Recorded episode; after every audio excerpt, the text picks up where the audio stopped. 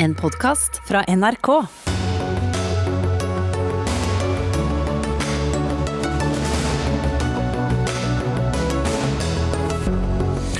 Endringer i reglene om koronahotell. Fullvaksinerte kan nå reise hjem og gå i karantene.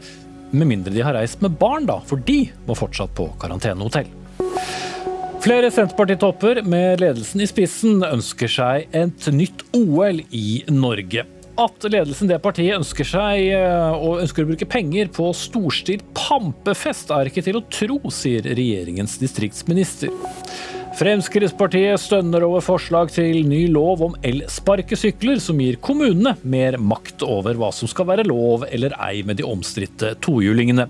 Men ingen andre partier er enig med dem. Og er barnebøkene blitt for politisk korrekte og dystre? Det mener iallfall en litteraturkritiker som etterlyser mer lekenhet, magi og absurditet.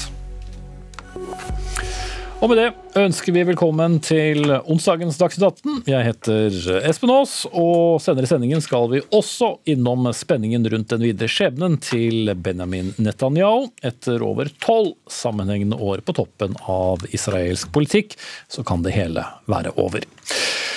Men vi starter med den eh, langvarige debatten rundt eh, karantenehotellene her i Norge, som jo har eh, stormet en god stund. Det har handlet om stappfulle hoteller, folk som ble sendt på karantenehotell som ikke skulle ha vært der, og at politiet ikke fikk beskjed om nye reiseregler den dagen de trådte i kraft. Men nå, i dag, så ble det kjent at fra og med i morgen skal fullvaksinerte, ja, hvis du har fått vaksinen i Norge, da, de skal slippe karantenehotell. Det skal komme på plass et eh, vaksinesertifikat for alle som er tilknyttet EU fra 11. juni. Lars Jakob Him, statssekretær i Justis- og beredskapsdepartementet fra Høyre. De som nå sitter fullvaksinerte på hotell, kan de reise hjem derfra i morgen? Ja, det kan de. Det vil bli en sjekk på hotellene av deres eh, korona, altså Helse Norge Eh, opp mot legitimasjon. Eh, og når det er gjort, så kan de reise hjem på samme tidspunkt som regelen innføres også på grensen. Men først fra i morgen? Først fra i morgen. Mm. Fordi vi må få muligheten til å rulle ut reglene. Det som mange har påpekt, så skjer det mange endringer, og de som skal håndtere dette, må få litt tid til å omstille seg og forberede seg på det. og Det er derfor det skjer fra i morgen. Mm. Men uh, altså for å oppsummere, uh, du må da være fullvaksinert, og dermed så må du også være voksen, uh, og du må ha fått vaksinen i Norge. Har du da reist med, med... Det er ikke helt presist, hvis jeg kan få oppklare. Fordi du, det er derfor jeg spør. Ja, fordi det er hvis du er, er beskyttet, og det er registrert i Helse Norge, at du kan f.eks. hvis du da har har én eh, dose som er tre uker gammel, så vil, også, så vil, du også kunne omfattes av det. Og til en periode, jeg tror det er 15 uker som er, er begrensningen på det. Eller du har hatt eh, koronasykdom, så, så kan du også også få muligheten til, til, det samme. Men det må dokumenteres med helsedorge.no, og, og, du må slå det opp sånn at det blir vist. Mm. Eh, når vi innfører også dette på grensen, så kan det selvfølgelig bli noen innkjøringsproblemer på det. Derfor så oppretter vi på de største grenseovergangene egne servicestasjoner for å kunne bistå eh, i starten på dette, sånn at det forhåpentligvis skal gå så smidig som mulig. Men som vi vet, det dukker alltid opp dessverre noen enkeltsaker når vi gjør, gjør justeringer. Men det en del del har lurt på i dag, er eh, hvorfor må man eh, i karantene når man er fullvaksinert? Det vurderer også regjeringen. Vi fikk en anbefaling tidligere på at man skulle opprettholde karantene for de som er vaksinert. Den har vi bedt om en ny vurdering av, og regjeringen har antydet at vi kanskje syns den vurderingen var litt streng, men vi har bedt om nye faglige vurderinger på det, og kommer eh, tilbake til det spørsmålet også snarlig. Om du enten skal redusere karantenetiden eller eh, gjøre, fjerne den helt for, for grupper, f.eks. Men dette er vurderinger som, som, gjøres, og det er viktig at vi går også skrittvis frem, fordi vi er i en gjenåpningsfase, og da kan vi ikke ta alle grepene med en gang. Ok, Men Lene Vågslid, eh, leder av justiskomiteen og stortingsrepresentant for Arbeiderpartiet Eh, du er ikke så imponert over eh, håndteringen av karantenehotell. du med du er glad for det som har skjedd i dag, men det er en viss forhistorie her. Ja, altså skrittvis frem, det er jeg enig i, men den siste vika så har på en måte regjeringen gjenger litt i alle retninger. Det har vært et slags eh, karantenebingosystem der det har vært litt usikkert.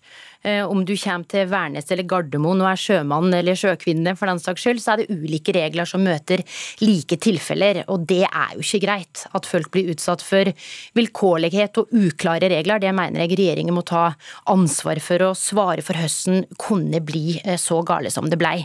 Så er det bra at regjeringen i dag eh, kommer med nyheten om at vaksinerte i Norge slipper karantenehotell. Når vi eh, utsetter på en måte befolkningen for en så stor tiltaksbyrde som vi har gjort over så lang tid, så er det et ansvar politisk å sørge for at det vi gjør er forholdsmessig. Og Men er det det nå, med, med de reglene som ble lagt frem i dag? Ja, det er et godt eh, skritt i rett retning. Eh, men så mener òg vi i Arbeiderpartiet at ingen fullvaksinerte burde på karantenehotell. Det er jo ikke helt riktig det du sa i stad, at eh, alle som er på karantenehotell i Norge nå kan reise hjem i morgen. For det sitter jo òg nordmenn som arbeider i utlandet eller studerer i utlandet. Og som er vaksinert i utlandet. Og som er fullvaksinert i f.eks. USA, eh, og har dokumentasjon på det, og fortsatt må sitte i karantene. For det tror jeg er det spørsmålet jeg har fått flest ganger på, på Twitter i forkant av sendingen. Hvorfor er det andre regler hvis du har fått eh, for så vidt da den samme dosen, bare at dette har skjedd i, i, i Storbritannia eller Frankrike eller ja, hvor som helst. Ja, og det er jo, eh, Vi er jo enige i utgangspunktet. Er, oppfyller du kravene til å være beskyttet, så er det ikke grunn til å sitte på karantenehotell, men fortsatt ha karantene en stund. Men her er det jo eh, rett og slett en utfordring med dokumentasjon, at vi er sikre på det vi holder på med. Og de landene som det kommer mange til, bortsett fra EU til Norge, er USA, som dere nevnte, Russland, det er Pakistan og India som har hatt store smitteutbrudd, det er Filippinene. Så det er mange ulike land som vi ikke har like god kontroll over hvor, hva slags dokumentasjon du vil f.eks. ha på vaksinasjon. Men vi, jobber, eh, vi, vi, vi, jobber, med dette eh, som en prioritert oppgave. Vi er særlig opptatt av å få på plass EU-systemet, som vi er en del av. Og vi samarbeider også med våre nordiske naboer for å se på mm. løsninger med dem. Hvordan skulle vi vært sikre på at uh, dokumentasjonen fra veldig mange andre land eh, ville vært eh, riktig, Vågslid? Nei, jeg mener jo regjeringen for det første må sørge for eh, å samarbeide med andre land i forhold til å sikre systemer som kan verifisere dokumentasjon. Jeg tror jo mange stusser når du kan lese om en norsk familie som hever digitale, verifiserbare dokumenter fra amerikanske helse helsemyndigheter på at de har vært fullvaksinert i lang, lang tid, og likevel må sitte på karantenehotell. Det jeg òg er redd for, det er at når ikke tiltakene har forståelse eller legitimitet lenger, så kan det òg truge tilliten vi er avhengig av for å forhindre eh, importsmitte, bl.a. annet. og Derfor er jeg jo glad for at et flertall i Stortinget nå i forbindelse med behandling av dette koronasertifikatet kommer til å be regjeringen om å finne en løsning på det her, sørge for at flere kan inkluderes. Men er den løsningen da dette felles ja, altså, koronasertifikatet fra EU? Vi, vi, er jo ikke uenig i det. Altså, vi jobber jo nettopp med disse løsningene med ulike land, men vi har en prioritet hvor vi først har tatt Norge, som er enkelt å følge opp. Vi jobber med våre nordiske naboer og andre europeiske land som har lignende løsninger som oss. Vi er en del av EU-systemet. Og så skal vi selvfølgelig også se på tredjeland. Men vi klarer ikke alt på en gang. Det er mye som skal håndteres i en koronatid, og vi må være trygge på at vi ikke gjør ting for raskt og utsetter Norge for igjen fare for importsmitte og får tilbakeslag på det som nå heldigvis ser ut som går i riktig retning, men vi blir stadig minnet på, senest nå i Trondheim, at det kan dukke opp nye, nye smitteutbrudd. Vi skal ha med en tredjeperson som har lyttet på dere, nemlig da må dere ta på dere hodetelefonen her i studio. Ingunn Trosholme, du er ordfører i Lillehammer for eh, Arbeiderpartiet, og dere ble jo da tvunget til å, å ha karantenehotell i, i din kommune, noe du reagerte på og kalte sitat, at dette er høl i huet. Ut fra det som er lagt frem i dag, du, har du nå litt roligere puls? Nei, det har jeg absolutt ikke. Og så må jeg bare presisere at vi har uh, fått melding om at uh, de kan pålegge oss det. Og jeg reagerte i utgangspunktet fordi jeg syns at uh, det var en veldig dårlig timing. Reiselivet i Lillehammer er en av de viktigste næringsveiene her hos oss. Og vi har nå forberedt oss på at de aller fleste i Norge bør feriere i Norge, og håper at de kommer til å ta i bruk, slik som de gjorde i fjor, vår region til å feriere. Og Vi er en kjent reiselivsdestinasjon, og når vi fikk beskjed om at eh, de kunne pålegge oss at vi skulle ha karantenehotell her i, i eh, fellesferien og i høysesongen, så måtte jeg bare si ifra. For jeg syns at det er ikke noe logikk i det. Nei. Skal vi, også Skal vi la statssekretæren bare ta det med en gang? Det vil fortsatt pålegge kommuner å ha karantenehotell? Vi har gitt statsforvalteren en mulighet til å kunne pålegge det hvis det er nødvendig. Men vi håper ikke det er nødvendig, for vi ser i motsetning til Lillehammer veldig mange kommuner som stiller opp. F.eks. Ullensaker, som har gjort en kjempeinnsats, og hoteller som tar eh, sin del av den felles innsatsen de trenger, og mange andre grensekommuner også. Og alle utgifter blir dekket, og hotellene får, får inntekter. Mm. Så, men det hjelper jo ikke på turistene da, hvis eh, hotellene er fulle av Nei, men det er jo av de kriteriene som skal vurderes av statsforvalteren statsforvalterne når de pålegger, det er hotellkapasitet, at de har helsetjenester som kan håndtere det. Det er flere kriterier som skal legges til grunn, og kommunene kan klage på det. Men jeg syns ikke vi i utgangspunktet skal si nei. Jeg syns vi i utgangspunktet skal si ja, og hva vi kan bidra med. Og så skal vi selvfølgelig tilpasse dette til hva kommunene også har av kapasitet og muligheter. Mm. Ble du noe klokere av dette, Truls Holmen? Egentlig ikke, fordi at eh, nå har regjeringen gitt oss noe kompensasjon for eh, næringsliv og organisasjoner som trenger det pga. en eh, lang lang periode med korona. Så har vi en underkompensasjon i Lillehammer kommune på 32 millioner kroner. Vi har gitt fra oss 35% av våre vaksinasjonsdoser, slik at vi skal fullvaksinere og drive med massevaksinasjon også inn i fellesferien. Og vi hadde regna med, og jeg ble ganske Jeg syns det er oppsiktsvekkende urovekkende at man nå rammer reiselivet, som er en av våre næringsveier og hovednæringer her på Lillehammer. Eh, og jeg tenker at det er ulogisk. Man bør kunne finne andre ordninger i nærheten av Gardermoen. Og hvis Ullensaker, som har stilt opp, og det er eh, veldig prisverdig, eh, er slitne og er pålagt veldig mange oppgaver, så syns jeg det hadde vært bedre beredskapsmessig om man kunne styrke de kommunene, istedenfor å overføre ansvaret ansvaret fra en sliten kommune til en annen sliten kommune. Mm. Men er, du er ikke pålagt noe ennå, er du det? Bare for å oppklare det. Nei, men det var i utgangspunktet ikke slik at eh, Lillehammer eller Øyer skulle inkluderes i den ordningen. Og så gikk man ut og spurte oss frivillig om det var noen som kunne stille opp. Og da ingen eh, ville svare at de ønsket det, så ble vi inkludert. Eh, og så har vi fått nå beskjed om at dette skal utredes, og at de kan pålegge oss. Og det var en, en, en opplevelse av en slags trussel om at dette kan vi tvinge dere til å stille opp med. Og det passer svært dårlig nå, rett før høysesongen sesongen eh, her på Lillehammer. Eh, sommerferien skal snart eh, i gang, og da er vi helt avhengig av at det næringslivet kan opp og stå igjen etter en veldig krevende periode. Men med da trolig lavere trykk, eh, Him, fordi flere kan ta karantenen eh, hjemme. Likevel kan ikke f.eks. Lillehammer regnes regne som sikkert at ikke de ender opp med, med mange på karantenehotell også der. Dette er jo selvfølgelig avhengig av hvordan både smittesituasjonen og reiseaktiviteten blir fremover. Og vi er opptatt av å, å finne løsninger.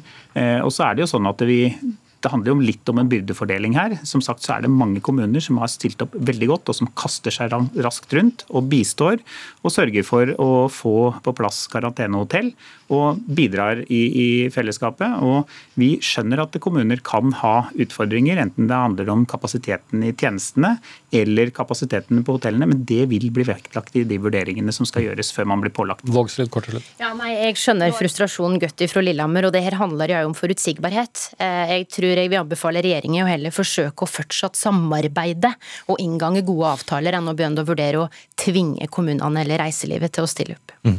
Ok, det får bli siste ord i denne diskusjonen. Eh, takk til Lene Vågslid, leder av justiskomiteen og stortingsrepresentant fra Arbeiderpartiet. Ingunn Trosholmen er ordfører i Lillehammer, også fra Arbeiderpartiet. Og så hadde vi med oss Lars Jakob Him, som er en statssekretær i Justis- og beredskapsdepartementet fra Høyre.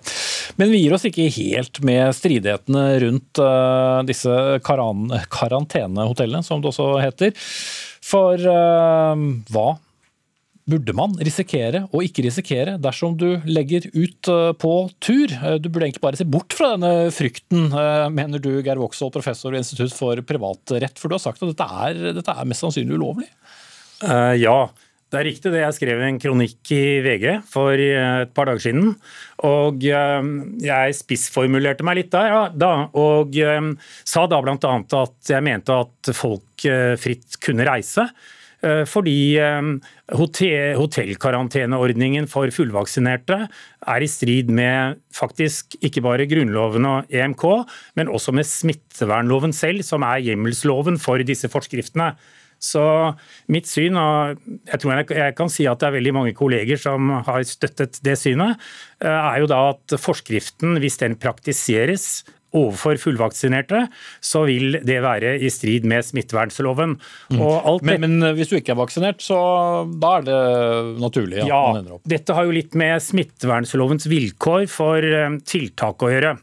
Eh, smittevernloven legger opp til eh, tiltak over en bred skala. Eh, herunder inngripende tiltak. Men det er en bestemmelse i paragraf 1-5 som sier det at tiltakene må være forholdsmessige.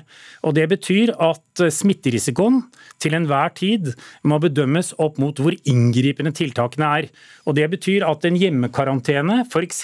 Kan være forholdsmessig, eh, mens en hotellkarantene fort vil kunne være uforholdsmessig fordi det er et mye sterkere inngrep. Eh, men dette må da også, som du var inne på, vurderes eh, opp mot hvem det gjelder. Mm. Om det er en fullvaksinert, så mener jeg at disse svarene er helt klare. Er det en som ikke er vaksinert, så, så, så, så kan det være grunnlag for tiltak, og herunder karantenehotell. Det er også litt med hvor du kommer fra. Ja, for jeg skulle til å komme på det, for det er jo noe mange har henvendt seg til oss om i dag. De har studert i utlandet, de har jobbet i utlandet, har fått full, full vaksinering og mener at da må vi da kunne reise hjem og ha en hjemmekarantene hos familie eller noe, men, men de kan jo fortsatt ikke det. Men har de samme rett da til å, å, å nekte å gå på karantenehotell og nekte å vedta eventuelle bøter? Det er et litt vanskelig spørsmål. Eh, smittevernloven er jo norsk lov. Eh, Grunnloven er jo norsk så det holder. Mm. Og EMK er jo en eh, europeisk konvensjon. Um, Europeiske menneskerettskonvensjon, hvis ikke ja, folk tok den ja, menneskerettskonvensjonen. Ja. Og Det innebærer at, at um, de rettighetene som borgere f.eks. fra EØS-stater og Schengen-stater har, de er vernet av den konvensjonen, mens en som kommer fra USA f.eks., uh, ikke er vernet av noen konvensjon. Eh, så Utgangspunktet er jo da at eh, man kan tenke seg eh, å praktisere reglene annerledes overfor personen som kommer fra USA enn en som kommer fra Norge. Men jeg tenker nå at likevel at det vil være veldig betenkelig hvis man praktiserer disse reglene ulikt. Typisk da mellom en som kommer fra USA og en som kommer fra Schengen-området.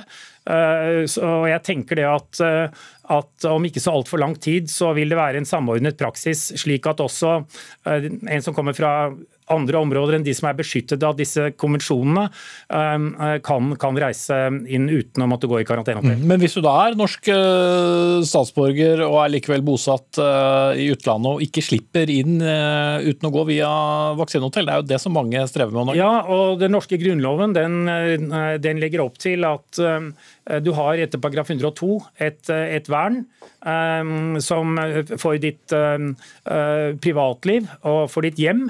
Eh, og eh, det er klart det at Hvis du plasseres i et karantenehotell, eh, selv om du kommer fra USA, er en norsk student, så vil det være et inngrep som er uforholdsmessig etter Grunnloven. Så jeg tenker det at regjeringen relativt fort kommer til å måtte praktisere disse reglene likt. Mm. Ok, nå får vi også regjeringen på besøk, så jeg sier takk til deg, Geir Voksholt, professor ved Institutt for privatrett ved Universitetet i, i Oslo. Og denne noen, det er helse- og omsorgsminister Bent eh, Høie, det. For det selv om det har kommet nå en avklaring både om at det kommer koronasertifikat, eh, og er du fullvaksinert så slipper du å være på hotell, så ser det ut til å være en viss forvirring. Vi spurte nemlig folk på sosiale medier om, om hva de lurte på etter pressekonferansen deres i dag, og det, det var mye, det, kan jeg si. Men et spørsmål som dukker opp er blir det nå rett og slett lettere for fullvaksinerte nordmenn å reise på handletur til Sverige i nærmeste fremtid enn det blir f.eks. For, for kjærester og andre familiemedlemmer med utenlandsk adresse å komme til Norge? Ja, det er jo sånn at eh, Vi anbefaler fortsatt folk eh, å bare gjennomføre strengt nødvendige reiser til utlandet. Så det å reise til handletur til Sverige vil være i strid med det rådet, selv om en ikke trenger å komme på karantenehotell når en kommer hjemme. Mm. Men du blir ikke stoppet på grensen? Eh, nei, men det gjør du ikke uansett, så lenge du har innreiserett til Norge. Så Den andre problemstillingen handler jo om eh, at noen blir bortvist fordi en ikke har et grunnlag for å komme inn i Norge. Og Der er det jo sånn at eh, vi ønsker å åpne opp for kjærester og andre, men der har vi fått et råd fra Helsedirektoratet og FI om at det bør vi vente med til trinn tre som er det neste steget i gjenåpningen vår. Mm. Og for de som ikke holder styr på alle, alle, trinn, hvor tidlig kan vi se for oss trinn tre? Ja, nå er vi jo på trinn to, eh, og det ser jo veldig positivt ut. Men det er veldig kort tid eh, siden vi gikk over på trinn to, det var jo 27. mai. Så vi har jo sagt eh, hele veien at vi vil ha, måtte ha minst tre uker mellom hvert trinn. For da ser, Det er først da vi klarer å se effekten av de endringene som vi nå har gjort. og og kan vurdere dette godt, om det er trygt å gå over på trinn eh, tre. Så det er dataene og ikke datoene som bestemmer det. Så er det jo disse eh, koronahotellene, eller karantenehotellene. Dette ble jo igangsatt fordi man ikke stolte helt på at eh, folk overholdt karantene hjemme. Nå skal jo noen likevel ha karantene hjemme, selv om de er fullvaksinerte. I hvert fall inntil videre. Stoler vi mer på dem nå, eller hva er logikken? Nei, Det har det jo ikke så mye med å stole på å gjøre, for dette handler jo om de som er, da, eh, er vaksinert. Så det handler jo om redusert risiko. Når du er vaksinert, så er jo risikoen for at en smitter andre betydelig lavere. Eh, men så har eh, våre helsefagmyndigheter likevel sagt at sånn som situasjonen er nå, både internasjonalt med risikoen for nye mutasjoner, og at vi i Norge ikke har kommet så langt i vaksineringen at vi opplever at det er trygt nok, så er anbefalingen fortsatt at òg eh, vaksinerte bør ha innreisekarantene, men kan ha det da hjemme. Så har de i utgangspunktet anbefalt oss at det bør det være ut juli, altså til vi har fått vaksinert eh, ganske store deler av den voksne befolkningen. Det har regjeringen sagt at det syns vi eh, i utgangspunktet virket for strengt. Så vi har bedt FHI Helsedirektoratet vurdere det på ny. Og, eh, og, signalene som vi får nå, som òg er jo sagt fra de ute i media, at de òg nå tror at det ikke blir sånn. altså at Det blir lettelser før den tid. For kun én av 2000 som er fullvaksinert har i hvert fall fått eh, koronavirus, var tallene til eh, FHI tidligere. 0,05% og det er ikke vi som har regnet ut det, det ble regnet ut av FHI i selv. Men så er det jo dette med fullvaksinerte som har fått full vaksine i utlandet. Så hva skal til for at en vaksine satt i utlandet er like god som en vaksine satt i Norge? Altså, ja, for, for, må til? Det første er at det er en europeisk godkjent vaksine. altså Det er en vaksine som òg er godkjent i Europa. Og så er det rett og slett at vi kan dokumentere at det har skjedd. Eh, fordi det er en stor utfordring. Vi jobber jo nå med å få en felles europeisk løsning. Eh, det vil vi jo ha på plass i månedsskiftet juni-juli. Da vil vi ha eh, muligheten til å kontrollere reisende fra de europeiske landene på dette. Men for land utenom Europa så er dette vanskelig. Mm. Så der kommer det til å ta lengre tid? Hvis det er fordi veldig mange land i Europa baserer seg på veldig enkle papirbaserte sertifikater som du kan få kjøpt på gaten for en billig penge. Og det kan vi ikke i den situasjonen Norge er nå. Eh, den risikoen kan vi ikke ta i Norge nå. Men eh, på et senere tidspunkt der en større del av befolkningen er vaksinert, så kan vi òg ha lavere Eh, på en måte terskel for å kunne akseptere dokumentasjon som vi stoler mindre på, for da er risikoen mindre. Så det er den type avveininger vi gjør hver eneste men, men da er vi over sommeren, da er vi forbi juli? Eh, ja, Det, det, det er iallfall eh, lenger fram, det er det ikke ingen tvil om. Mm. Jeg tror jeg kunne eh, de resterende 37 minuttene med alle de spørsmålene som er kommet inn. Jon stoppe der. Takk skal du ha, helse- og omsorgsminister Bent Høie. Og så blir det vel forhåpentligvis mer oppklaringer både på våre nettsider og, og andre steder.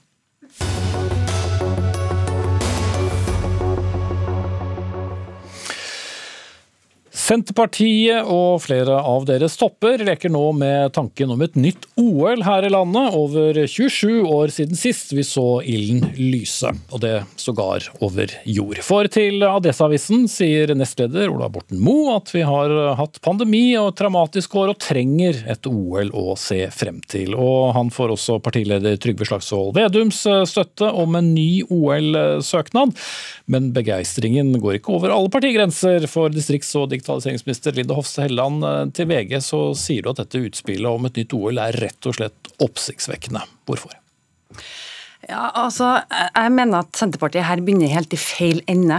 Eh, det er ikke vi som politikere som skal vedta om vi skal ha et nytt OL eller ikke. Jeg mener at det er idrettslagene, det er grasrota i Idretts-Norge, eh, som skal ønske seg et nytt OL og komme til politikerne og foreslå det.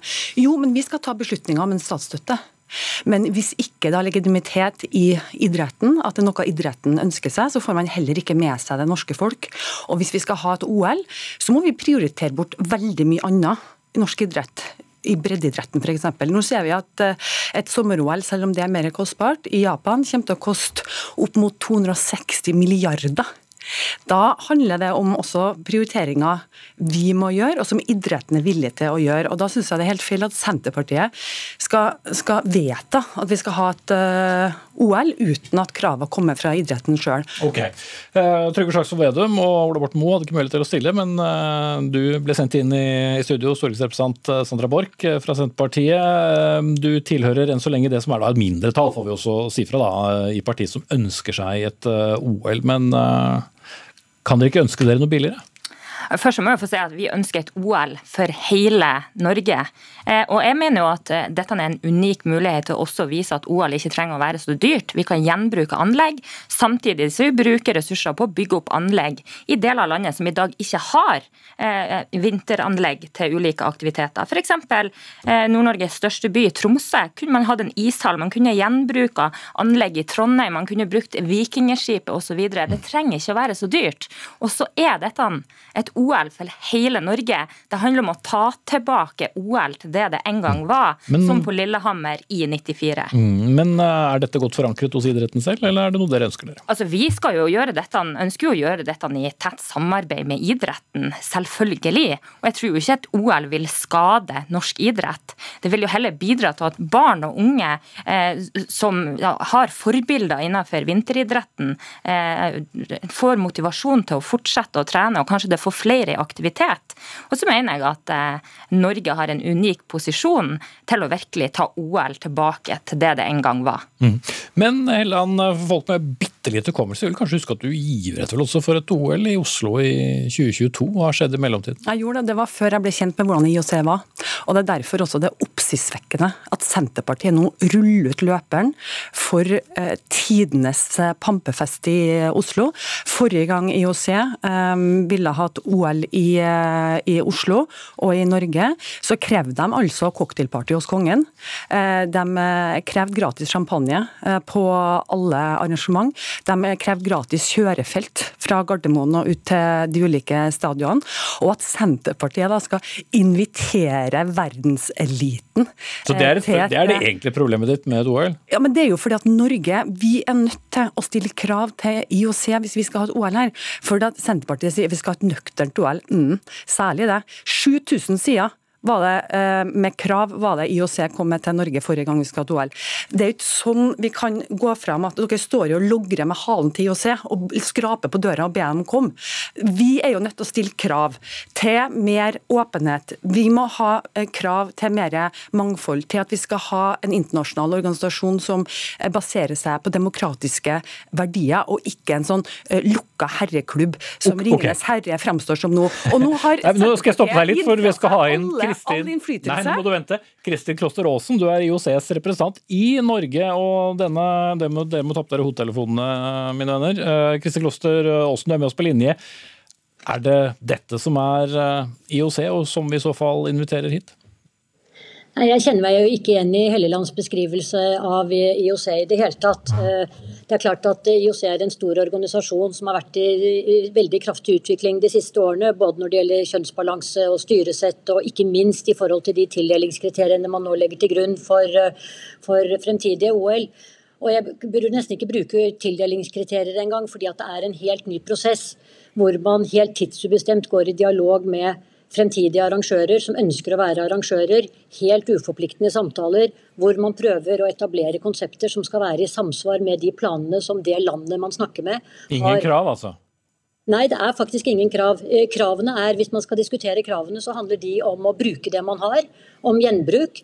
Det handler om å ikke legge store infrastrukturprosjekter inn i en olympisk eh, søknad. Det man har av infrastrukturambisjoner, det må man på en måte løse helt uavhengig av OL. Eh, og det er en forutsetning om at det som man ønsker av toglinjer og flyplasser og annen infrastruktur eller boligområder, det må være noe man ønsker uansett, uavhengig av et eventuelt OL. Mm. Så et Senterparti i OL, med andre ord? Så her har man på en måte snudd prosessen helt opp ned, og man går i dialog for å rett og slett finne det eh, prosjektet som passer det landet, den byen og den regionen som er interessert. Mm. Alt har endret seg, Helleland? Ja, og det, Jeg betviler ikke at uh, Kristin Kloster gjør det hun kan for å modernisere eh, IOC.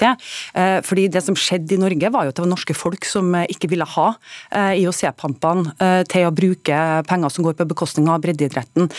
Så hvis vi skal ha et OL i Norge, så må det komme fra grasrota og opp, og ikke fra toppen og ned, sånn som Senterpartiet nå vil, vil, styre det. Og Det er jo ikke sånn at, at Senterpartiet kan sitte og bestemme hvor i Norge OL skal Eh, arrangeres. Det er Stortinget som må si ja eller nei til en søknad om eh, statsstøtte.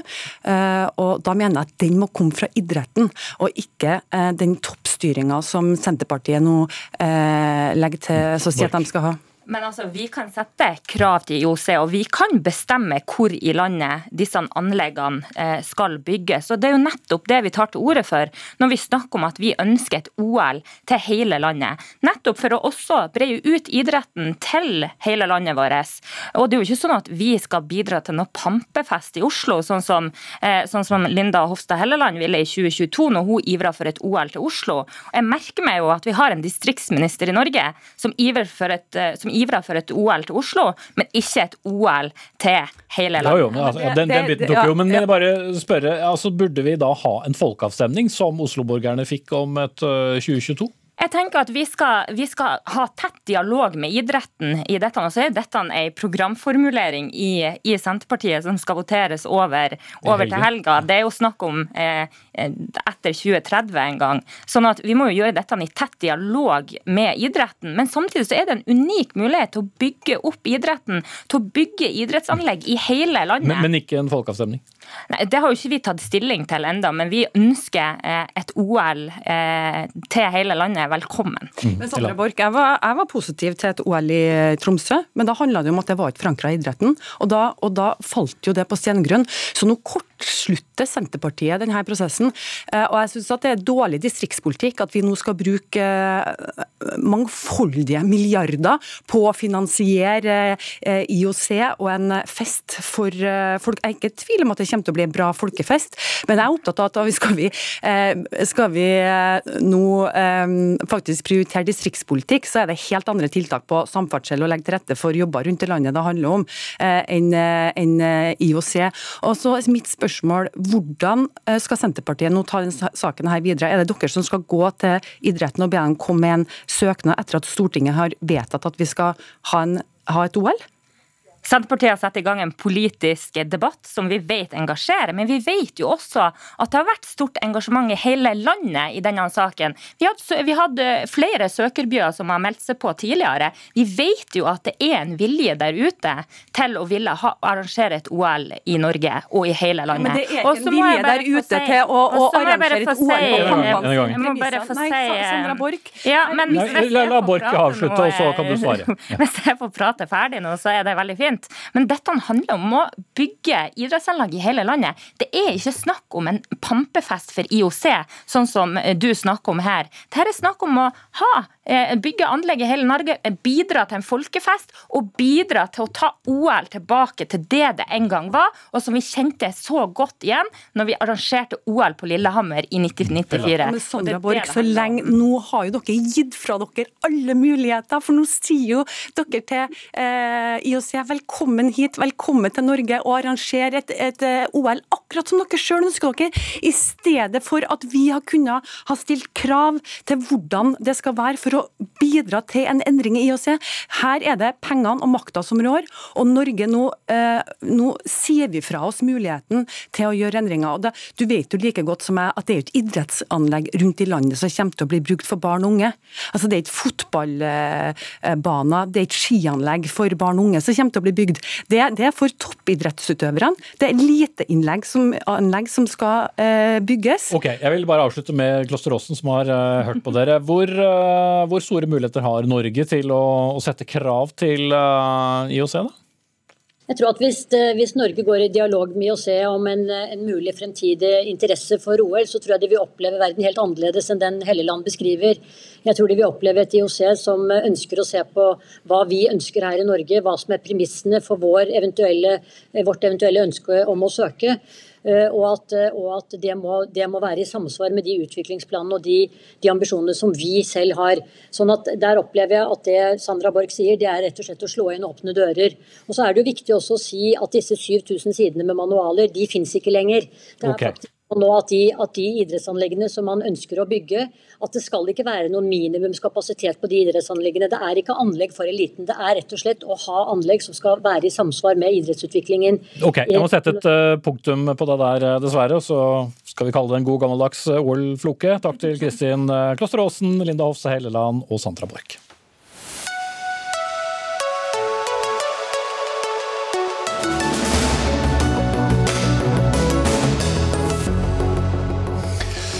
Er barnebøkene våre blitt for alvorlige og politisk korrekte? Ja, Det skal vi eh, diskutere mot slutten av eh, Dagsnytt 18. Eh, Men nå til et tema som er i hvert fall veldig hett i deler av landet, særlig der det bor mange folk. For det skal handle om elsparkesykler, eller elløpehjul, avhengig av hvor du bor hen. For alle stortingspartiene unntatt Fremskrittspartiet virker å være enige at vi trenger enda en ny lov for elsparkesykler. Det kom, som mange husker, sikkert uh, også nye regler 18. mai som begrenser fart og antall som kan kjøre på hver sykkel.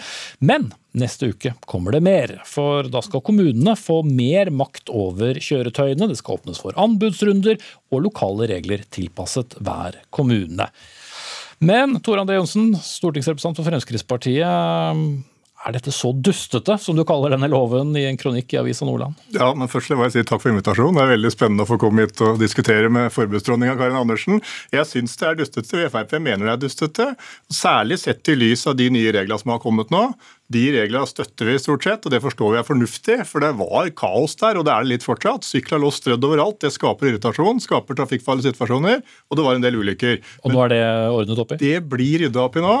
Eh, loven har vært i kraft bare en eh, ukes tid omtrent, så det trenger litt tid på å få det innført. Men når det blir ivaretatt, så er den kritikken som er der, den, den blir da stoppa. For da vil den bortfalle, rett og slett. Så da har du ikke behov for noen nye regler som også kan føre til et generelt forbud. Mm, men når enhver kommune kan få bestemme hvor folk skal parkere biler, og de har med båtplassering og alt annet å gjøre, hvorfor skal man ikke kunne bestemme hvor man skal plassere elsparkesykler? Jo, men det, det, kommer jo nå også med de nye reglene. At det blir parkeringsplasser, kan du si. og Det har Oslo begynt med allerede. og Det støtter jo næringa sjøl. Syns er positivt, og det, det, det tror vi alle syns er positivt. Men det er det som er frykten, særlig med nye regler og på det som allerede har kommet, det er at kommunene ønsker å innføre avgift, gebyr du vet åssen det er med avgiftskåte politikere i Norge, særlig på venstresida. Da får de en ekstra skatteinntekt. Og, I tillegg til det så kan de innføre anbud som gjør at du favoriserer de store internasjonale som har penger og muskler til å innfri de strenge anbudskravene, og ekskluderer de nye, kanskje norske mindre aktører. Ok. Karin Andersen, stortingsrepresentant fra Sosialistisk Venstreparti, eh, skal slippe å svare på disse one-linerne. Men ut fra det som ble innført 18. mai, hva er det dere vil få gjennom i Stortinget neste uke som ikke vi da da har? Dette er en lov som skal gjøre det helt klart at kommunene har lov til å legge til rette for utleie, som det står i loven, så det er jo ikke noen forbudslov. Vi skal legge til rette for utleie, og for at det skal være framkommelig i det offentlige rom. Jeg tror, tror, det er veldig mange nå som eh, er altså Hvis du er blind og svaksynt, så har det jo vært helt håpløst. Kjører du rullestol, er det helt håpløst. Barnevogn er helt håpløst. Jeg er ute en del om morgenen og trimmer litt, og da er jeg glad at jeg er sprek, altså, for da må man hoppe og rydde for å komme seg fram. Så det har vært nødvendig, og kommunene har eh, Eh, jo vært i rettssaker nå. Bergen har jo tapt i retten når de har prøvd å regulere dette. Og Derfor så har alle partiene, og Fremskrittspartiet var invitert med dem òg, før det kom noe fra Samferdselsdepartementet. Eh, til å gi kommunene en hjemmel, slik at de kunne være sikre på at de kunne få litt orden på dette. For det er ingen som ønsker å forby dette, men vi vil ha orden på det. Og, mm, og Det handler først og fremst om, om, parkering og, og, plassering rundt om i ja, norske kommuner handler, der selskapene vil plassere seg? Ja, det handler først og fremst om det, men det handler jo òg at, at kommunene kan si ifra om kvalitet. altså De kan kreve kvalitet på disse elsparkesyklene, slik at det ikke blir ræl som må byttes ut hvert eneste år, f.eks. Og at de kan òg si noen områder der det ikke skal være lov å bruke dem. For det kan det jo òg være grunn til å si. Og da handler det jo om, eh, om, offentlig grunn. Og så får de lov til å ta gebyr, ja. Men det gjør, får de lov til å ta gebyr på de utgiftene de sjøl har. Og det syns jeg og Da snakker vi om eh, sykler som må eh, flyttes da på kommunens ja, regning? Men også for å på en måte legge til rette dette her. Da. Kommunene må jo saksbehandle dette en del, enten det er de ene eller de andre reglene her, så må de gjøre det. Men først og fremst det er jo dette for å få orden på det. Og jeg er jo litt sånn altså Fremskrittspartiet har sittet med samferdselsministeren i mange år. Dette er ikke et nytt problem, dette har kommet vært lenge. Så her hadde de hatt mulighet til å få orden på dette, gitt kommunene en hjemmel som gjør at de kan regulere det, og så hadde dette vært ute av verden, og vi hadde sluppet nå. Det du mener de ikke trenger da, Johnsen? Ja, absolutt. Jeg tror ikke helt Karin Andersen har fått med seg det at de nye reglene som nå har tredd i kraft, det har ikke blitt implementert skikkelig ennå. Men når det skjer Men de kan fortsatt parkere hvor de ønsker, de som har brukt det? det, det kommunene får nå mulighet til å utstede parkeringsgebyr. De har allerede begynt med å, å kreve inntøvingsgebyr. I Oslo nå i helga så dro de inn nesten 320 000 i gebyr for at de tok inn sykler som sto feil. Så, så det her er i ferd med å brydde opp i.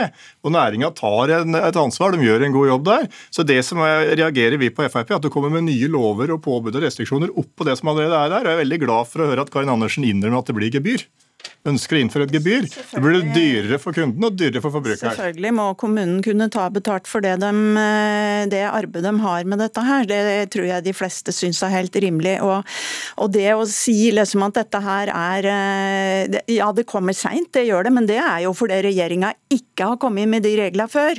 Og her har vi hatt et veldig tett samarbeid med regjeringa, også den samferdselsministeren som ikke har klart å komme med de reglene før, som har stått bak det brevet Stortinget har fått og sagt denne loven ser fin ut, denne trenger vi. Ok, da, da, har vi det poenget. Kristina Mo Gjerde, du er norgessjef i elsparkesykkelselskapet eh, Voi. Er det på tide med eh, strengere regler også i kommunene? Det har i hvert fall vært eh, på tide at vi får på plass tydelige regler. Så vi er veldig fornøyd med det som nå fremlegges. Eh, og vi tror faktisk at det er rett at kommunene skal sitte på eh, makten og myndigheten nå. Det ligger mye ansvar nå på kommunene å få på plass en god løsning som fungerer for innbyggerne, som fungerer for oss som utleieoperatører og som fungerer for ikke-brukere. Eh, vi har tro på at dette er riktig at kommunene skal ha denne myndigheten, for det er de som kjenner byen sin, det er de som har mandatet og myndighetene til å legge til rette for byens befolkning. Så tommel opp, altså? Nja, når det er sagt, så er det også ekstremt viktig at kommunene nå ikke utnytter den makt og myndighet de har fått. Vi har sett noen indikasjoner på det i, i, noen byer i Norge så langt, men håper og tror også at med den enorme bruken vi har sett, at man skal bevare det som faktisk er et ønsket transportmiddel i Norge. Men Hvor er smertegrensen din, da? Hva, hva er det kommuner ikke skal få lov til å bruke makt på? For det første så tror jeg de har sett med den enorme bruken den siste tiden. Vi har 200 000 turer med Voi alene i Oslo over helgen. Det er helt enormt. Jo, Men hva skal tror... kommunen ikke få gjøre? Jeg tror at noen av de løsningene vi nå har sett, i forhold til avgifter som det også nevnes her, inntauing ikke løser problemene vi har knyttet til parkering og sikkerhet.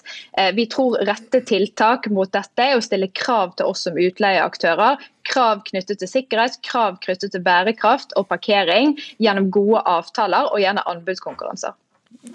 Karin Andersen. Ja, og det eh, som eh, tas til orde for her fra Voi, er jo ikke de reglene som ligger i denne loven, det er jo de reglene som kommer fra Samferdselsdepartementet.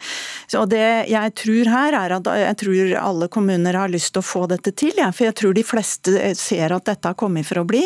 Det ser til og med moro ut, sjøl om jeg ikke tåler. jeg er eh, redd for lårhalsen, men, eh, men eh, Så jeg tror ikke det, det er noe problem. Og jeg har ikke tatt altså denne, denne loven her regulerer bare gebyr på sjølkost, altså de utgiftene som kommunen har. Så kan man diskutere om det skal være altså at man kan ta leie for gategrunn. Det blir jo et tema som kommer eh, framover. Det mener jo jeg at en, en grunneier må ha lov til å gjøre, enten den er en kommune eller noen annen. Men det står ikke i denne loven her. ok, det, Så da er ikke det en problemstilling. Johnsen, også tilbake til Gjerde. Ja, men Det er en problemstilling. Eh, for det, det gebyret som allerede har prøvd å blitt påført aktørene, sånn som i Oslo skal de ha åtte kroner hver dag per sykkel, det blir mye mer enn eh, sjølkost, for å bruke det begrepet til Karin Andersen. Trondheim vil de ha 2% av omsetningen, ha innsyn da i regnskap og sånn. Det, det, blir en ekstra skatteinntekt. Det blir unødvendig byråkrati du må, du må som du ikke trenger, for det er noe som er populært. Det er millioner av turer med elsparkesykler. Hvis man ikke trenger det, så blir det vel heller ikke et problem? Jeg skjønner ikke logikken. Nei, det er poenget at du, du, De gebyrene som nå kommer til å bli innført, dessverre, det er jo ikke noe som du trenger. Eh, aktørene i markedet kommer til å ta et ansvar. Du har allerede dekka de kostnadene kommunen har med innkrevingsgebyr på 1600 kroner. Du får Parkeringsbøter kommer. Og Da får de sette de satsene. Det er 600 kroner for å parkere feil for eksempel, i mange kommuner. Men, det blir det samme på en elsparkesykkel. Da vil de aktørene ta ansvar, for da vil det svi på lommeboka hvis de ikke gjør det. Mm. Men Gjerde, som jeg lovet uh, ordet nå, uh, hvordan vil dere løse det? Vil det da i så fall måtte bli dyrere av, for brukerne av, av sparkesyklene? Vi håper og tror at det ikke kommer til å skje. Eh, for det vi har mulighet til å tilby her, det er en ikke-subsidiert transportløsning som løser mye av de utfordringene vi har knyttet til mikromobilitet i byene våre i dag. Så det håper vi ikke kommer til å skje. Men når det er sagt, så er det at en avgift per nå for, som en løsning på parkeringsutfordringer som vi ser spesielt i, i, Oslo, det vil ikke hjelpe noe som helst. Det det kan bety, er jo at det blir skattekroner og inntekter i lommeboken på kommunene. Og det er fint og flott hvis det øremerkes infrastruktur både sykkelvei og parkeringsplasser for infrastruktur til mikromobilitet, da er det greit. Men per nå så er det ingen øremerking. Og da er det bare en avgift som kan øke prisen til sluttbruker. Ok, Superkort til slutt, Karin Andersen. Men det eh, både representant for Voi her og, og Johnsen snakker om, det er altså de reglene som har kommet fra Samferdselsdepartementet. I denne loven står det at det bare er gebyr til sjølkost. Det er prinsippet her, og da har man altså ikke lov til å ta inn mer enn det man sjøl har utgifter på ordningen. Da kan ikke vi ta mer på sparket her. Jeg må vise dere ut. Tore André Johnsen fra Fremskrittspartiet, Karin Andersen fra SV og Kristina Mo Gjerde fra Voi.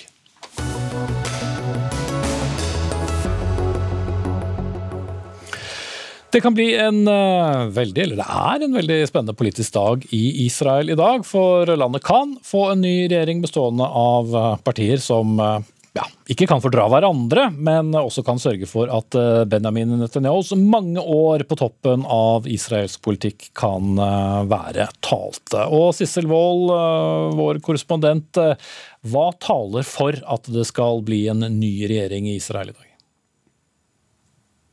Ja, nå er det fire timer igjen til fristen. Og Yair Lapid, som er en sentrumspolitiker, eh, han prøver nå å få partier som virkelig ikke kan fordra hverandre, som du sa, til å spille sammen. Eh, det som er viktig, er at de hater Netanyahu mer enn de hater hverandre. Så det eneste felles de har, er at de vil si Monna Netanyahu. Og så skal de prøve å regjere sammen. Men oppgaven er å avslutte Benjamin eh, Netanyahus tolv år ved makten. Eh, I sentrum for det hele da er den nasjonalistiske og religiøse politikeren eh, Naftali Bennett. Hva slags figur er ham, og hva slags koalisjon av partier som ikke liker hverandre, som du sier, er det vi snakker om her? Eh, Naftali Bennett er en high-tech-millionær, men han er også langt til høyre. Han står til høyre for Netanyahu. Han var tidligere leder for organisasjonen til bosetterne, så han er for å annektere mer av palestinsk land, mer okkupert land. Eh, han er også religiøs, og han ville i tilfelle bli Israels første religiøse statsminister. Og foreldrene hans eh, kom fra USA, så han er en ganske ung fyr. Men den som drar dette sammen, det er Yair Lapid. Og han har laget en deal med, Benja, med Naftali Bennett om at han skal komme om bord, for ellers hadde ikke Lapid hatt noen regjering. Så Bennett har da fått uh, lovet å bli statsminister mot at han er med på dette. Marte Eian Hengdal, assisterende direktør ved Norwegian Center for Conflict Resolution. Det høres ikke ut som det blir veldig mye ro i israelsk politikk hvis da dette skjer innen klokken 11 i kveld? Nei, hvis det skjer. De kaller seg jo eh, endringsregjeringen. Um, og da er jo spørsmålet hva er det som eh, endrer seg? Blir det ro, eller blir det mer? Hvis vi starter med det som er endringer, reelle endringer, uh, så kan man jo trekke fram at det er første gangen en palestinsk israeler eh, sitt parti eh, blir med i en sånn regjering, og det er jo eh, altså, Det er mye å si om partiet og, og sånn, men, men, det er et, et tydelig brudd da, i historien. Det har aldri skjedd før. Så det kan være betydningsfullt også for framtida. Et riktig steg i riktig retning kan man håpe på. Og så er det et brudd selvfølgelig i Bibi Netanyahus æra som statsminister, så det er jo betydningsfullt. Det er også med det så betyr det også at det er liksom en sjanse da for eh, rettsstaten Israel til å ta det her eh, oppgjøret eh, som tiltalen mot Netanyahu går ut på, som, er under, som er, går i høringsgangen sin nå. Um, og sånn sett så er det jo det er jo, det er jo noe endring der, men eh, så er det det her eh, når man løfter på lokket da, eh, og ser hva som rører seg oppi den endringsgryta, at man virkelig lurer på hvor lenge det kan holde. Ja, for De skal jo gjerne komme frem til en eh, politisk eh, plattform som landets innbygger også kommer eh, godt ut av den dagen eventuelt, eller hvis da Netanyahu nå må, må gå? Ja, altså alt annet enn Bibi, som er kort og eh, polemisk eh, oppsummert eh, den, det de har til felles, er jo ikke en regjeringsplattform særlig lenger enn en dag eller to etter at du har fått fjerna nettopp Netanyahu. Og det er jo, som Sissel Wold var inne på her, det er nasjonalistiske religiøse bosetterbevegelsen. Det er litt mer ekstreme høyrepartier, litt mer moderate høyrepartier. Eh, det er et sentrumsparti, det er et sentrum-venstre-parti, og det er det her islamistiske palestinsk-israelske partiet. Eh, og jeg tror alle sammen skjønner at eh, det er ikke mulig. Det er for liksom å bære staurt og ut som en behagelig øvelse, tror jeg. Sissel Wold, rent sånn operativt, fristen er altså klokken 11 om, om da ikke så mange timene. Hvis disse partiene ikke klarer å, å bli enige, da fortsetter det som før? da? Ja, da tror jeg at det er Knesset, også nasjonalforsamlingen, som skal prøve å stable på beina en regjering. Og Hvis ikke de greier det, så går også israelerne til valg for femte gang på rundt to år. Og jeg tror de fleste israelere her er veldig lei av å drive og gå til valg hele tiden. Og så er jo disse partiene da, og deres støtte satt sammen sånn at de nesten ikke kan styre sammen. Og som Marte Heian Engdahl var inne på, vi har her, vi har her venstrepartier som er fredsbevegelse. De er for en tostatsløsning, at palestinerne skal få rettferdighet og en egen stat. Og så har vi da disse to partiene ytterst på høyre, nasjonalistiske partier, så, hvor partilederne åpenlyst, eh, også, om ikke hater arabere, men som ser på Israels palestinske minoritet på 20% som en femte kolonne, som folk man ikke kan stole på. Stole på. Så med en gang man begynner å snakke om f.eks. en palestinsk stat, så vil jo hele denne regjeringen rakne. Eh, hvis man snakker om eh, samtale med palestinerne for å gi palestinerne mer rettigheter, så kan det rakne. Så det de kan bli enige om, er kanskje miljøvern og litt helsepolitikk, og at Benjamin Netanyahu må gå av. Så dette er en veldig interessant øvelse, men den er historisk fordi det er første gang et arabisk-palestinsk parti kan bli en del av en israelsk koalisjon. Ok, jeg tror dere begge kommer til å følge med på dette utover kvelden. Marte Heian Engdahl ved Noref og vår korrespondent Sissel Wold.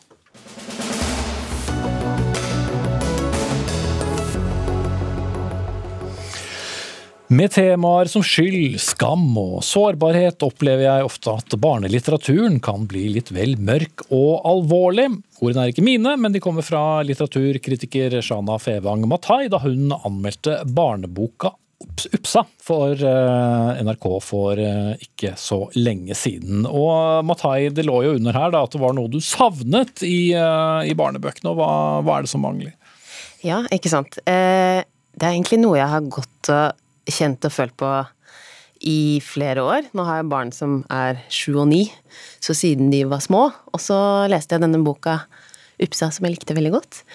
Eh, men det satte i gang den tankeprosessen. At eh, jeg eh, syns fortsatt eh, at det er et savn etter mer liksom, absurd, absurditet, lekenhet, humor i barnelitteraturen. At det kanskje Generelt, eller norsk barnelitteratur, eller? Eh, nå snakker jeg kanskje hovedsakelig norsk barnelitteratur, ja. Um, ja, så det er rent subjektivt uh, opplevd. Mm. Pål Stokka, du er forlagsredaktør i Gyldendal og jobber da mye med barnebøker. Er, er, det, er det, blitt uh, veldig dystert og politisk uh, korrekt det vi tilbyr våre aller yngste? Nei, jeg syns ikke det, altså. Um, det er jo på en måte Altså, du har disse bøkene som, som er de, de, de som trekkes frem av kritikere.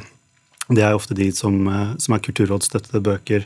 Mm. Eh, bøker der på en måte illustratører får blomstre og forfattere får tid til materiale. Og de bøkene løftes ofte frem av forlagene som på en måte, ja, praktbøker. Da. Eh, og, og, der har du ofte litt alvorlige temaer. Og det er de som på en måte blir synliggjort, men det er kanskje ikke de som blir lest oftest. Så der har vi jo, så jeg føler at vi har vi har et helt fantastisk utvalg i bredden i barnelitteraturen så vi har jo, altså Du har jo bestselgere som uh, 'Bukkene Bruse', 'Drar til badeland', du har Brillebjørn-bøkene. Uh, og så er det fantastiske uh, illustratører, forfattere, Kari Stein, Jakob og Nykop. Altså det, det, du, har på en måte, du har på en måte et stort utvalg. Eh, så ja, vi ser kanskje mer til disse alvorlige, dystre mm. bøkene, som jeg mener er utrolig viktig å gi ut. Mm. Ja, så hva, hva, er det du får problemet da, med, med, med disse sånn politiske korrekte, dystre bøkene som du kanskje ikke har så lyst til å lese for barna dine? Hvis du skal være litt konkret. Um, ja, problemet er jo ikke at de fins. Selvfølgelig er de superviktige uh, og relevante. Og uh, jeg er veldig glad for at den pendelen har på en måte uh, gått nærmere den veien at vi tør å prate om eh, Og at vi klarer å rammesette gode samtaler med, med, mellom foreldre og barn. Da. Men jeg kan bare si For eksempel så satt jeg på biblioteket og skulle lese for mine barn. Eh, og så plukket jeg opp bok etter bok etter bok og lette etter noe som vi kunne drømme oss bort i. Noe, en absurd, rar virkelighet. Noe som vi kunne leke oss litt inn i. Og så fant jeg det ikke. Eller jeg måtte liksom bla gjennom veldig mange bøker for å finne det, da. Eh, så derfor tenker jeg kanskje at det, eh, foreldre og barn søker jo kanskje først og fremst en hyggelig lesestund hvor man kan eh, drømme seg litt bort, og, og det kan jo gjerne være tunge, viktige temaer, men kanskje pakket inn i noe som trigger fantasien, noe som Eh, er litt mer fargerikt og lekent. Så kanskje litt mer sammenblanding, da. For det er jo noen barnebøker som blir, blir sittende, Stokka, og man vil kanskje huske de morsomme bøkene, og ikke de dystre? Altså, mine barndomsminner er, uh, handler om farvel, Rune, uh, og hvordan jeg trigget gråt uh, hos meg selv som, som seksåring. så det er den som sitter igjen. Det sier kanskje mer om meg enn om, om andre, men, men ja, jeg, jeg, tror jo jeg tror at klassiker, klassikerne er ofte de som, som, gir oss noe som blir med videre. De som på en måte man har samtaler med, med mor og far rundt uh, middagsbordet, eller som blir lest opp i barnehagen, som er da disse samtalebøkene. Mm. Så, så jeg, tror, jeg, jeg, tror, vi ofte ser at klassikerpotensialet ligger i kanskje litt det mørke. da. Mm. Uh, ja, for må, må, det alltid være største tema, og det er vel for så vidt et litt sånn tilbakevendende tema. Jeg husker også barnebøker hvor, hvor det handlet mye om det skulle være skilsmisse, og pappa er i fengsel, og mor må få seg jobb, og sånn som var på en måte 70-80-tallslitteraturen. Men er, må det komme så tidlig? Uh, ja, jeg syns det. Jeg syns ikke vi skal være redd for å på en måte ta altså Jeg, jeg, jeg syns bøker som, som, Gro Dale og Svein Nyhus og Kaja Nyhus Dale jeg synes de, altså, de skriver bøker om, eh, om, eh, om vold hjemme, incest, pornografi. Eh, jeg syns ikke man skal på en måte skjule sånne temaer for, for barn ned i fire-femårsalderen. Altså. Mm. Matai? Det er jeg helt enig i. Um, Men du ville kanskje ikke lest dem selv, eller?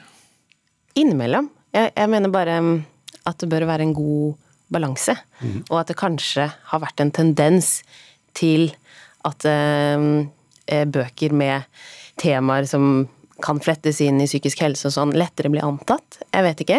Eh, for at dette er jo så et viktig tema, dette må vi få frem. Mm. Eh, så kanskje at eh, Ja, en, en jevnere fordeling, da. Eh, ut ifra det jeg har opplevd. Mm. 20 sekunder til slutt, Stokka.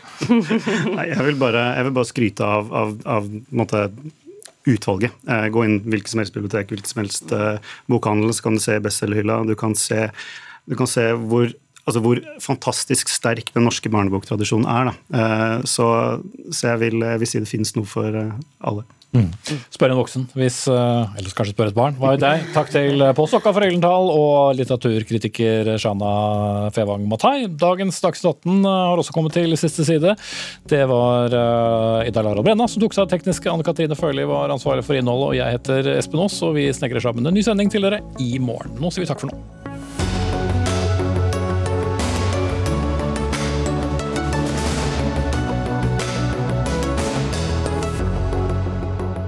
Du har hørt en podkast fra NRK.